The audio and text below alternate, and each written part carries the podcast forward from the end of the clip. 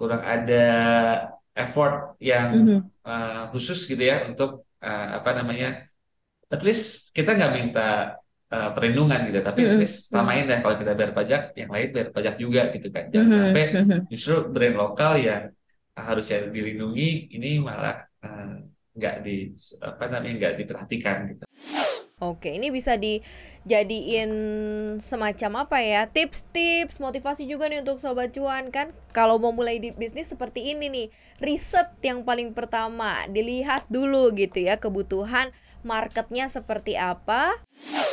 bisnis model franchise emang bisa grow very fast lah dalam mungkin dalam waktu 2 tahun tiga tahun bisa punya seribu cabang tapi after that biasanya decline dan gone Mhm. dan kita temuin isunya adalah di uh, masalah operasi- uh, operasional.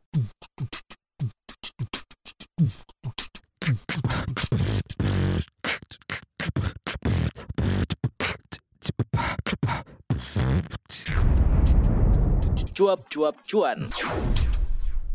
Halo Sobat Cuan, selamat datang di podcast Cuap Cuap Cuan. Apa kabar Sobat Cuan, para pencari cuan di mana pun Anda berada Pasti yang udah siap dengerin kita di Spotify udah siap-siap juga pengen mendengar obrolan Maria hari ini dengan salah seorang yang pasti memberikan inspirasi untuk Sobat Cuan dalam berbisnis. Karena ya kita akrab banget sebenarnya dengan brand yang satu ini apalagi uh, Sobat Cuan yang suka jajan-jajan manis gitu ya Minuman-minuman boba beraneka rasa gitu ya dan masalahnya serunya adalah brand ini tuh bisa kita temuin di mana aja ya. Di pengkolan ada gitu ya lurus dikit ada. Di mana mana ada loh ini hebat banget dan aku pengen denger sukses story-nya nah di segmen interview kali ini saya sudah bersama dengan uh, Mas Gufron Syarif founder dari House. Hai Mas Gufron. Panggilannya Mas UFO ya? Mas Ufo boleh. Mas UFO ya. Apa kabar Mas? Alhamdulillah sehat. Mas, brandmu tuh kokils banget loh di mana-mana loh. Tapi sebenarnya eh, bisa diceritain gak sih awal mula kemudian punya apa ya eh, terinspirasi mau bikin minuman gitu ya dan tersebar gitu di mana-mana. Ini biar sobat cuan nih karena yang dengerin kita kita selalu sebutnya sobat cuan ya. Pengen juga ambil eh, ide-ide bisnis yang kayak gini nih, Mas Ufo. boleh boleh boleh oke mungkin apa namanya kalau ditarik ke belakang gitu kan artinya kan saya juga udah lama sebenarnya uh, Mm-mm. berusaha terutama di F&B dari 2010 lah kurang lebih Mhm. tapi dulu tuh ketika mulai salah pendekatan pendekatannya produk dulu baru market nah itu biasanya ya, begitu mulai mar- entah marketnya belum teredukasi atau market Oke. niche dan lain-lain Mhm. Nah, lalu 2017 itu saya mulai belajar tuh dari kesalahan-kesalahan saya sebelumnya. Lalu kali ini, ah gue mau cari pendekatannya dari market dulu deh. Nah, mulai melakukan research research lah, market research lah. Nah, ketemu lah waktu itu dapat data tentang kategori Nutri and Boba di China. Mhm. Mhm. Dan itu kategorinya growth-nya luar biasa. Uh, CAGR-nya ya. Nah, Mhm. itu hampir dua digit tiap tahun. Oke. dan di China sendiri market size-nya udah 200 230 triliun setahun. Mhm. Oh, nah dari situ saya wah ternyata ternyata industri and Boba ya kesannya lucu-lucuan gitu ya, imut-imut gitu, ternyata ini jadi industri sangat besar di China. Lalu saya Oke. coba lihat peluangnya di Indonesia, ternyata waktu itu 2017-2018 udah mulai menyentuh angka TET-nya juga kalau nggak salah udah udah menyentuh angka eh, berapa belas T gitu ya. Dan saya lihat masih ada peluangnya gitu. Karena waktu itu Oke. saya lihat pemainnya masih belum banyak dan kebanyakan brand luar kan ya. Betul betul, Mas Ufo. Tapi kalau kita mundur dulu nih, di berarti kalau gitu eh, brand untuk house ini bukan yang pertama ya, yang udah pernah buat buat Mas Ufo. Nah yang pertama tuh apa sih Mas? Ah, maksudnya dari sisi F&B tapi produknya apa? Dan kesalahannya kan waktu itu katanya produk dulu nih. Berarti kan eh, sebenarnya secara produk sih harusnya bisa teraccept, tapi kan namanya pasar ya kita kan nggak tahu ya. Waktu itu apa yang ditawarkan dan berapa lama sadar bahwa wah ini nggak kemakan nih sama market. saya waktu itu pertama rendang kemasan Hmm, Oke. nah walaupun rendang marketnya gede tapi ternyata rendang kemasan sama rendang yang ada di warung Padang itu beda kategori beda behavior cara konsumsinya. Mhm, Nah, mhm, saya mhm. jalan. Sebenarnya kalau dibilang gagal apa enggak, karena saya bisa waktu itu waktu jualan rendang, saya bisa generate revenue sampai 600 juta lah sebulan. gitu. Tapi untuk grow lebih lagi tuh agak sulit gitu karena eh behavior orang makan rendang tuh masih beli di rumah makan Padang, makan di situ atau beli nasi bungkus dibawa ke rumah gitu ya. Tapi Mhm. buat rendang kemasan itu marketnya masih limited buat orang yang mau umroh gitu ya, Iya, iya, iya, iya, iya. Benar, benar. eh, eh, eh, jadi secara market size nggak gede-gede amat gitu. Jadi Mhm. buat growth eh, agak susah tuh. Sementara saya orangnya lumayan berambisi cukup besar gitu ya. Jadi ya saya rasa wah ini gue harus coba produk yang lain nih yang secara market size-nya bisa lebih besar. Mhm. Itu pertama makanya rendang. Walaupun sekarang masih jalan, rendangnya masih jalan, tapi eh, nggak saya fokusin gitu. Mhm. Oke. Yang Akhirnya kedua, ke- yang kedua, ah, nah saya bikin donat. Donat. Oke, oke. eh, karena ngeliat Jiko gede banget Mhm. itunya, apa namanya marketnya. Tapi Mhm. saya coba ma- masuk kategori ini dengan pendekatan berbeda, which is waktu itu baru baca bukunya Seth Godin ya, mhm. Cole. Oh, I love it. Yeah, yeah, yeah. I know, I know, I know. Ya, trying to be different. ya Yes, trying to be different. Nah, saya bikin donat bentuknya dinosaurus waktu itu. Oh, donat tapi dinosaurus ya. Iya, bentuknya, bentuknya shape-nya. Oke, kan oke. marketnya waktu itu buat spe- spesifik buat anak kecil dan Mhm. anak kecil kan kayak uh, hampir semua anak kecil suka dinosaurus. Saya pikir Mhm. kalau makanan berbentuknya uh, bentuk yang mereka suka, mereka akan suka. Dan lumayan jalan, gitu Mhm. kan. Uh, bisa generate lumayan lah waktu itu saya bisa achieve 900 juta lah waktu itu lah sebulan gitu kan Mhm. punya 8 toko dan lain-lain. Tapi kesalahan kedua adalah yaitu again selain tadi benar uh, marketnya juga uh, belum begitu besar. Maksudnya orang terbiasa donat tuh ring gitu ya Mhm, bentuknya. mhm. Dan saya mencoba mengeducate donat dinosaurus dan, dan lain-lain. Uh, ja- jalan uh, cukup oke tapi belum sesuai dengan uh, ambisi saya gitu kan. Mhm. Ya jadinya saya coba cari eh, produk dengan market size yang lebih besar gitu kan. Karena cita-cita saya itu pengen punya brand nasional yang bisa jadi eh, local champion lah. Mhm, mhm, mhm. Nah, makanya ambisi cukup besar lah. Dan akhirnya sekarang kita bisa sama-sama lihat nih di mana-mana soalnya storehouse ini ya. Dan uh, ada juga di Sarina ya. Ada ada Asik, ada es krimnya loh sekarang ya. Dulu kan uh, belum ada es krim. Jadi sebenarnya perkembangannya cukup signifikan. Nah, waktu akhirnya uh, starting house uh, lumayan aspek nggak sih kalau sekarang lu akhirnya menjamur gitu di mana-mana. Ini pakai strateginya berarti uh, franchise ya Mas ya untuk house ini ya. Oh, bukan. Jadi eh, kita ini sebelum mulai eh, benar-benar melakukan market research, Oke. eh, lalu bi- business model research dan lain-lain. Nah, waktu itu kita temuin bahwa hampir nggak ada lokal F&B yang menjual ke individual franchise bisa sustain lebih dari tiga tahun. Nah, artinya eh, menurut F&B yang menggunakan bisnis bisnis model franchise emang bisa grow very fast lah. Dalam mungkin dalam waktu 2 tahun, tiga tahun bisa punya 1000 cabang. Tapi after that biasanya decline dan gone. Mhm. Dan kita temuin isunya adalah di eh, masalah operation, eh, operasional. Bukan da- bukan daya beli yang menurun berarti ya. Bukan dari marketnya yang turun uh, minatnya ya. Tapi ternyata di operational cost. Iya, eh, bukan di operational cost, tapi masalah standarisasi gitu. Oh, Artinya yang standarisasi. Oke. Uh, kalau yang franchise individual itu kan yang mengoperate the store itu adalah Oh, wow, franchisee. wow, wow, wow. Sementara most franchise di Indonesia itu ya mohon maaf uh, belum punya komitmen full komitmen untuk Benar, benar, benar, benar. Nah, artinya mostly kadang-kadang ya uh, ibu rumah tangga yang Mhm. nggak bisa setiap hari ada di toko, lalu uh, ada profesional dan lain-lain. Sementara Mhm. running store itu kesannya mudah ya, tapi nggak semudah itu gitu. Eh, banyak Hmm. eh, hal apa hal-hal perintilan itu yang perlu ekstra eh, kontrol gitu kan. Nah, Oke. ketika itu di running oleh orang yang nggak punya eh, kompetensi, nggak punya experience di bidang F&B, yang ada ujung-ujungnya ya mereka gagal untuk deliver uh, standardized uh, produk sama service. Hmm. Dan yang celakanya tuh yang rusak akhirnya si brandnya gitu. Jadi Benar-benar, benar sih. konsumen uh, dapetin bad experience ketika transaksi di toko tersebut, kan dia nggak peduli toko ini milik franchise siapa, dia cuma Mm-mm. taunya brandnya aja gitu kan. Mm-mm. Nah, itu jadi kena sasaran empuk. Makanya kita suka makanya kita suka kalau beli eh, sesuatu di namanya sama tapi tepatnya beda karena franchise rasanya bisa beda gitu ya.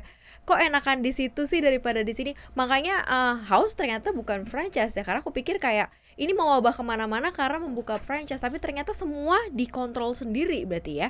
Yes, betul. Kita mungkin sama kayak uh, kopi kenangan yang punya mereka, lalu ada Flash Coffee, ada Foray. Ya iya iya. Wow. Jadi udah berapa store nih Mas sampai sekarang?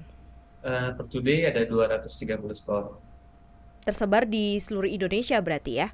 Kita baru ada di Pulau Jawa aja, karena Di kan Jawa ya, oke. semua store kita kontrol sendiri. Oleh karena itu kita pasti sebelum ekspansi kita pasti supply chain, Benar-benar uh, benar. akses untuk dikontrol dan lain-lain. Jadi kita nggak sporadis buka di mana-mana.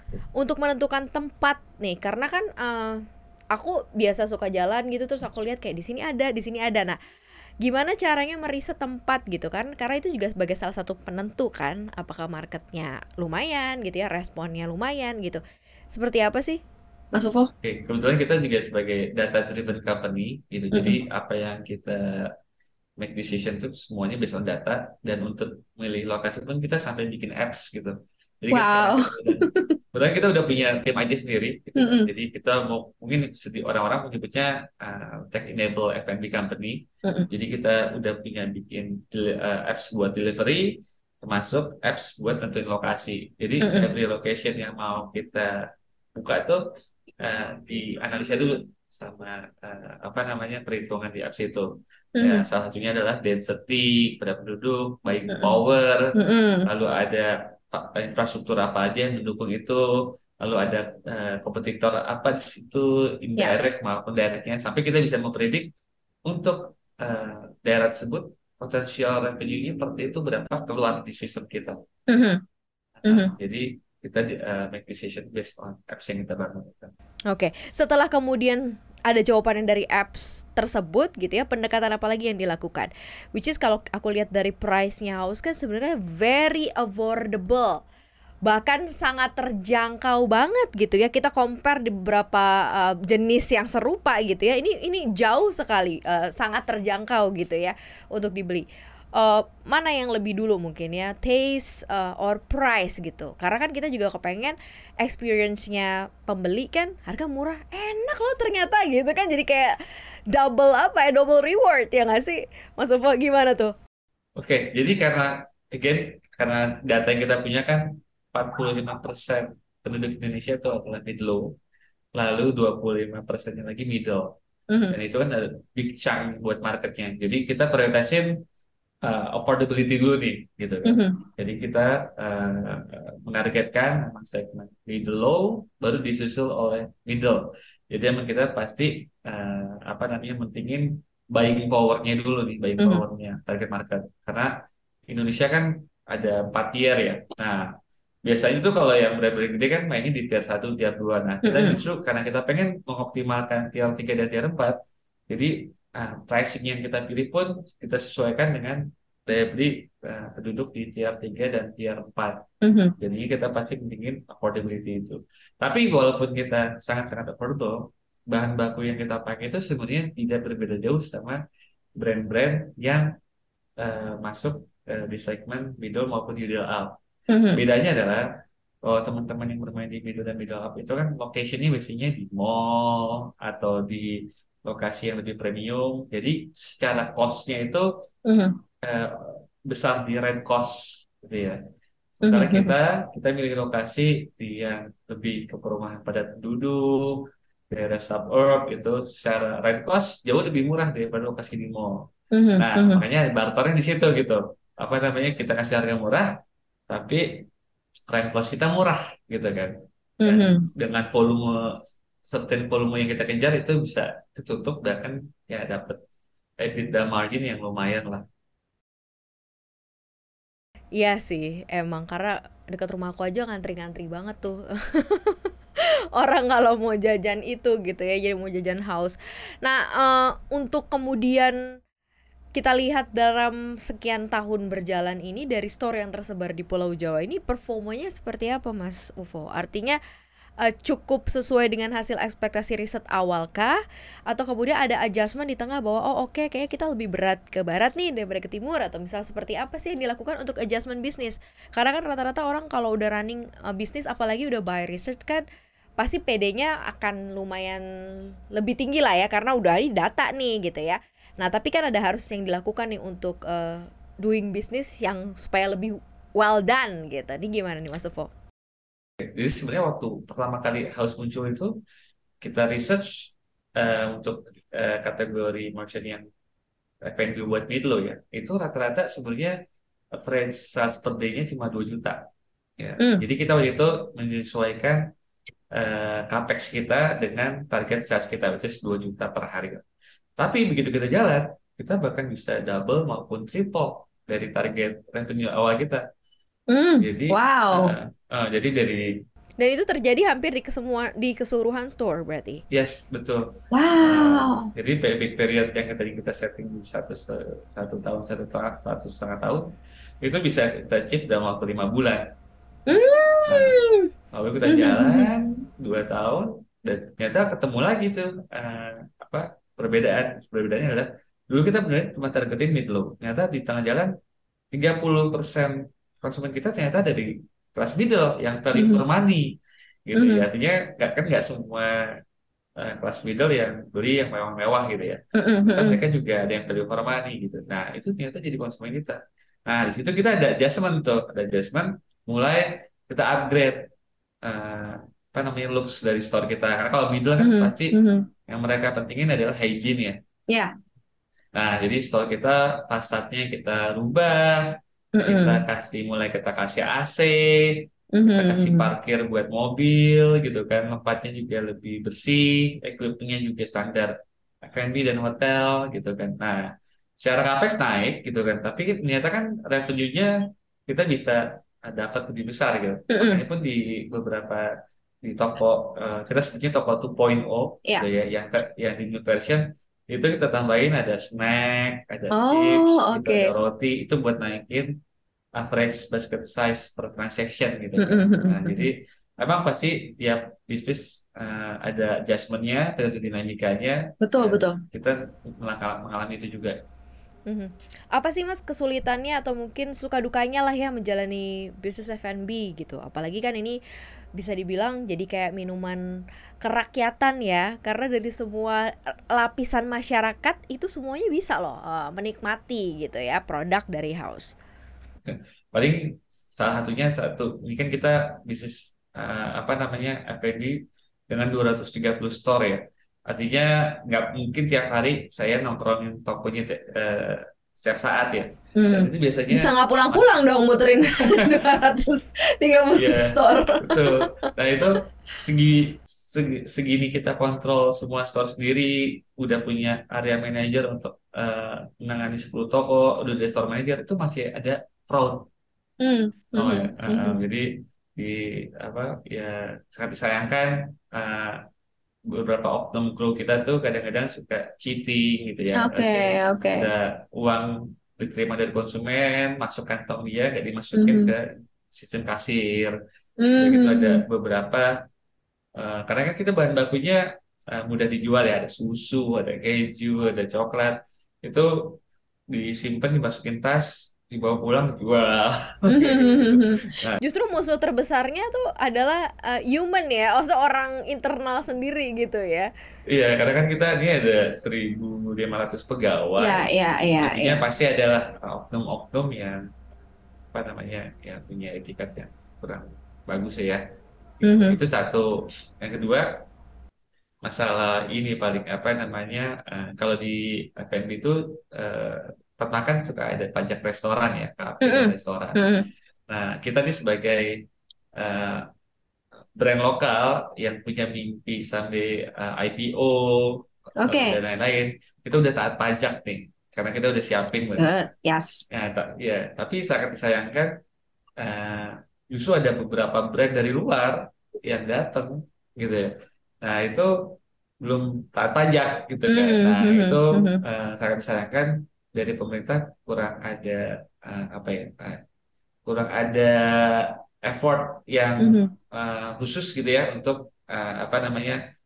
At least kita nggak minta eh, perlindungan gitu, tapi at Mhm, least samain deh kalau kita bayar pajak, yang lain bayar pajak juga gitu kan. Jangan Mhm, sampai mhm. justru brand lokal yang harusnya dilindungi ini malah nggak di apa namanya nggak diperhatikan gitu. Mhm.